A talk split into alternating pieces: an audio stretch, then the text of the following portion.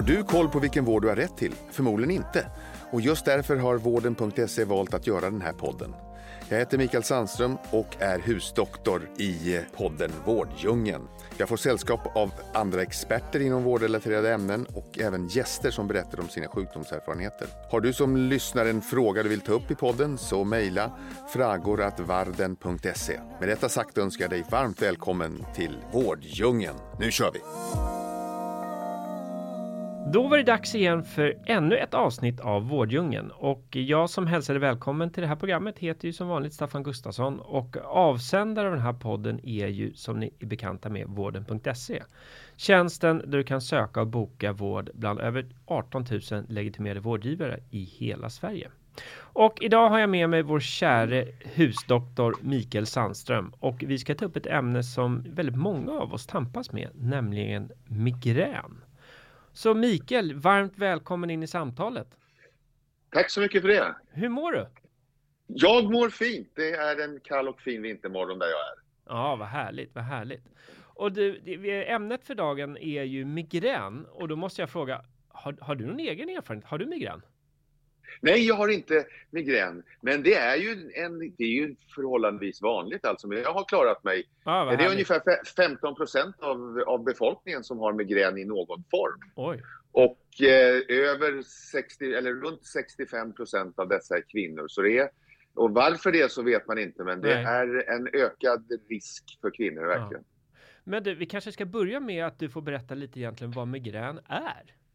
Ska vi börja ja. med att bena ut det? För det är, så man inte blandar ihop det med vanlig huvudvärk och så vidare. Nej, det, det, ska jag gärna göra. Det är ju så att, att migrän är ju en form av, av huvudvärk som karaktäriseras. Nu, eh, det finns olika former, det finns en mängd olika former. Mm. Vi, ska, vi ska hålla oss lite mer allmänt tänkte jag, för då blir det lite svårt. Mm. Men eh, det, det, är ju en pulserande, ofta ensidig huvudvärk.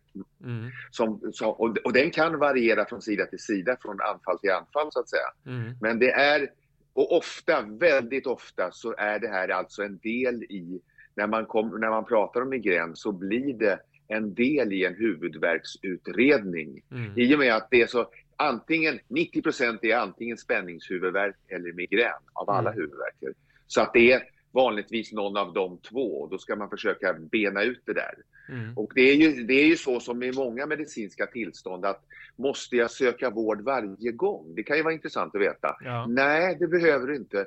Men det, första gången man har ett nytt symptom, till exempel nu ensidig huvudvärk, mm. då, är det ju, då vill man ju att man ska ha det klar, klarlagt så att man inte gissar och gissar fel och sen mm. lever med en felaktig diagnos i livet igenom. Så mm. därför är det så viktigt att man någon gång, det är ju likadant med epilepsi och andra tillstånd också, mm. att man är det det, ja eller nej? Sen får man gå lite mer vidare i, i diagnostiken. Mm. Så att eh, det, det, det, är någonting att ta med sig. Ja, men en, en, fråga då, för du nämnde det där med spänningshuvudvärk. Kan ja. spänningshuvudvärk och migränvärk då te sig på precis samma sätt? Eller skiljer Nej. på något sätt? Eller kan det, man ha samma symptom? Äh, nej, det brukar vara ganska lätt att skilja. Spänningshuvudvärken är ju en tryckande, klämmande känsla runt skalpen som man kan eh, komma efter eller i samband med stress. Mm. Till skillnad då, om jag hårdrar det hela, så när du har migränen i de olika formerna då, så har man en ensidig pulserande huvudvärk. Ofta blir man då vid, vid migrän då påtagligt ljud och ljuskänslig. Mm. Eh, och, det, och man har den här, det som en del människor eh, och en del medicinare kallar för en aura. Mm. Det är några olika faser. Det har man inte vid spänningshuvudvärken alls på samma sätt. Mm. Det, är det, här, det, det, finns massa fina ord för de här, men om man tänker sig tre faser så är det en fas som kan vara någon timmar till dagar innan när man känner att någonting är på gång. Mm. Jag har ännu inte ont i huvudet, men det är någonting på gång. En del säger till och med att de känner sig vaknare, skarpare, reagerar på mer mm. stimuli mm. och sådär. Och sen så kommer nästa fas då med, som en del, med en aura av någonting och där är det vanligaste då, och du pratar fortfarande om migrän här alltså. Det vanligaste är då att man har något ljusfenomen. Till exempel, det kallas på fint språk för flimmerskotom mm. eller zigzagblixtrar. Man, man får ett påverkan på synfälten, man ser lite sämre och så ser man ljusfenomen. Och det där kan ju vara fruktansvärt obehagligt. Är det det som är det här gloria som vi kallar Eller att man ser... Ja, alltså inte så mycket gloria som, som eh, det är ju det är ett fenomen också, men, mm. men det, här, det här är att det blixtrar istället. Okay. Och det far framför en, som, som på en bildskärm liksom. Men du, vad är det som gör att man får eh, migrän då? Ja, säg det! Det finns många teorier. Inte ens du men vet det alltså? För, den förhärskande teorin, det är ju att det påverkar både nerver och blodkärl. Så att det först är ett neurologiskt fenomen. Man tänker sig att de som har migrän är extra känsliga. Det är väldigt mycket signaltrafik som går fram och tillbaka i knoppen hela tiden åt alla håll och kanter mm. i 300 kilometer i timmen. Mm. Eh, och, och, det är inte ett skämt utan det är ungefär som farten på en tanke. Eh, och då, kommer, då är, det, är det dåligt svårt att sortera ibland Eh, med, med de här och då får man en, några av de här personerna anses då vara extra känsliga för, för väldigt mycket signaltrafik. Mm. Och då påverkar det i sin tur kärlen. Mm. Och när kärlen varierar i storlek då blir det olika tryck i huvudet och då får man huvudvärk. Mm. Men det här är teoretiska resonemang som man kan indirekt bevisa. Ja, Men men det är ju så här också med vad det gäller andra tillstånd som där man har en, en överkänslighet i populationen. Den kan vara bra i något sammanhang och som kanske i den moderna människan inte längre är hjälpt av. Mm. Det är lika så, för att ta något fantastiskt exempel, att, att vara rädd för spindlar ökar ju överlevnaden för hundratusen år sedan mm. om du förstår att en spindel kan vara farlig. Mm. Mm. Men, nu, men nu spelar det ju ingen roll. Nej, nej. Men det är, och nu har inte det med migrän att göra, men just det här fenomenet är ju spännande. Att en egenskap, en, en tid i människans utveckling och liv har en effekt, men mm. tusen år senare så har den en annan. Men du, är det farligt att ha mm. migrän då? Nej, det är det ju inte. Det är ju konsekvenserna av om du får väldigt huvudvärk eller om du sitter i en väldigt dum situation eller mm. du sitter och kör bil eller du får, och plötsligt inte ser eller sånt. Eller du känner att du, du har domnat någonstans. Mm. Då kan det ju vara. Men det kommer, du, du får ju inte man får ju inte liksom hjärnblödningar eller tumörer eller mm. konstiga saker eller Så det är inte fara för liv och färde? nej, det är det inte. Nej. Men det är ju, det är ju väldigt eh, begränsande förstås. Mm. Men du, och vad kan man själv göra då för att lindra besvären? Eh, finns det någon medicin eller, eller är det Ipren och Alvedon eller vad, vad, ja, vad det, kan man göra det, själv? det är Ipren det, det, det är en, en, trappa kan man säga, som det är så andra, många, många andra tillstånd, att man börjar först med att, att eh, det finns ju en del som vet att det här utlöses av till ja. exempel stress eller eh, en del tycker att det blir bättre med rökning, en del tycker att det blir sämre. En del tycker att om man har varit vaken väldigt länge att man är känsligare för att få det. Mm. Eh, och, och sådana här situationer. Mm. Och att, då, att, om man då är extra ljud och ljuskänslig så ska man ju vistas i ett mörkt, tyst rum förstås. Mm. Det är ju en del av, av behandlingen. Mm. Men som du nämnde, alltså eh, eh, eh, Bamyl eller eh, paracetamol, Alvedon alltså då till mm. exempel, eller någon annan variant. Det är ju sånt när man inte har det så ofta så att man då försöker man bara behandla anfallet. Mm. Eh, och sen så kan man komma, sen kan man ju driva den här behandlingen vidare att man tar medicinering för att förhindra ett anfall, att det ska utlösas då. Mm. Och nästa steg blir att man tar eh, ständigt står, och man har väldigt frekventa eh, mm. migränattacker, att man ständigt står på en medicin som, mm. som begränsar det hela. Så det finns en, det finns en hel räcka av mm. olika mediciner att göra.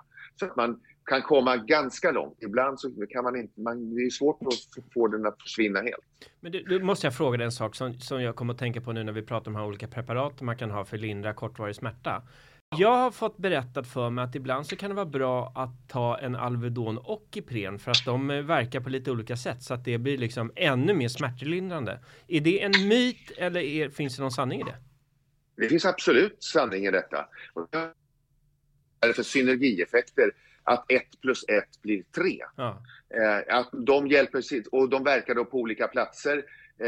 Eh, kanske paracetamol lite mer eh, perifert ute i kroppen mm. och Ipren Fast det där vet man inte, det är ju så svårt att mäta in i skallen. Men nu börjar Ja, man ja. tro att även Ja. det finns en central effekt av vanlig paracetamol. Mm. Men att de har olika angreppspunkter på, i, i, em, i organismen, i människokroppen. Mm. Och därför får man de här, de här de fina effekterna Mm. eh, som gör att man får synergieffekter helt enkelt. Och, och jag vet ju att vissa, de använder till och med då botox och injicerar det i tinningarna till exempel, eller vad man nu gör det, Ja. eh, för att bli av med sin migrän. Fun- hur hjälper det? Fungerar det? Ja, ja, men det fungerar bättre mot spänningshuvudvärk. Gissa varför? Därför det är muskelavslappnande? Äh, Verkligen så, Per Sepp. Det är alldeles riktigt. Mm. Botox har ju en, det blockerar ju nervsignalen så att man inte kan, mu- muskulaturen som behandlas då, Mm. Det vid väldigt, väldigt påverkad eh, eh, besvärlig spänningshuvudvärk så kan man tänka sig detta. Det finns vid andra tillstånd också. Det har prövats vid, för migrän. Mm. Eh, Men då vet man inte riktigt eh, me- mekanismen. Men man kan ta till det och se om det fungerar. Mm. Men det sitter ju inte i för evigt. Nej. I botoxbehandling som, som i van, i, av estetisk karaktär sitter ju i någonstans mellan 6 och 10 månader. Sen Mm. måste man göra om det och det är Mm. ganska dyrt. Och det var ganska intressant det där du nämnde att många gånger så blandar man ihop det med andra grejer. Det har faktiskt hänt mig själv. Jag trodde helt övertygad om att jag hade migrän för min mamma sa att det hade mormor och du har fått det nu. Men sen Ja. så var jag hos en annan kund som gjorde någon mätning i min mun som visade att jag bet lite fel. Så hon Ja. slipade av en liten, liten del av tanden och sen så blev eh, brettet då eh, helt perfekt. Vilket gjorde att sen, där, sen jag gjort det, det tog en kvart, 20 minuter att fixa och sen jag gjort det har jag, aldrig, har jag inte haft den typen av huvudvärk.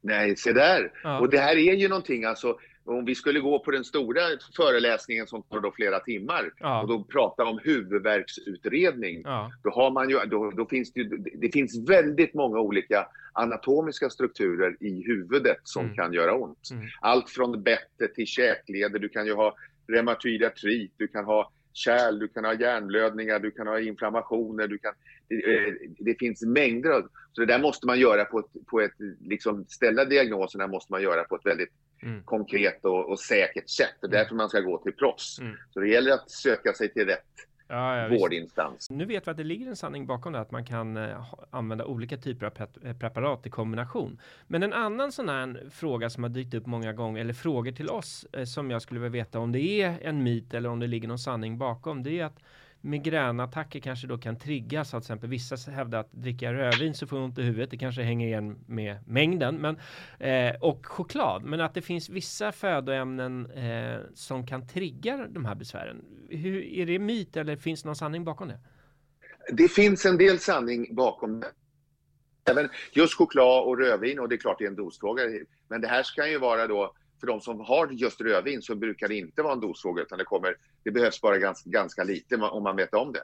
Sen finns det ju andra faktorer också. Hormonsvängningar, avslappning efter stress, väderomslag. Eh, och till och med att man äter väldigt mycket läkemedel och om man slutar med det så kan man, kan man få migrän av, av detta som en biverkan. Eh, så att ja, det finns en hel del i detta. Och återigen, här är det ju bra att ha egen koll och här som doktor får man nog lyssna på patienten för att det här är väldigt individuellt, men det finns. Ja, men tack för ett tydligt och bra svar. Men du, om, om vi tar tillbaka oss då till, till ämnet migrän.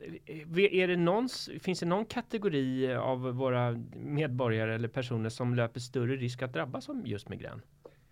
Ja, alltså det hänger... det- är ju över fler kvinnor än, äm, än män. Det, Ja. det, så, så är det ju säkert. Och det finns en ganska kraftig, väldigt kraftig ärftlig komponent. Så ve- om båda föräldrarna har det så att säga, Mm. så, så är, det- är risken stor. Det är ju någonstans mellan 50 och 70 procent då att eh, ett barn till två migränföräldrar så att säga, ska Mm. få det också. Mm. Och det kan man ju, det är ju svårt att påverka, men Mm. eh, då får man ju vara lyhörd för symptomen då så att Mm. säga.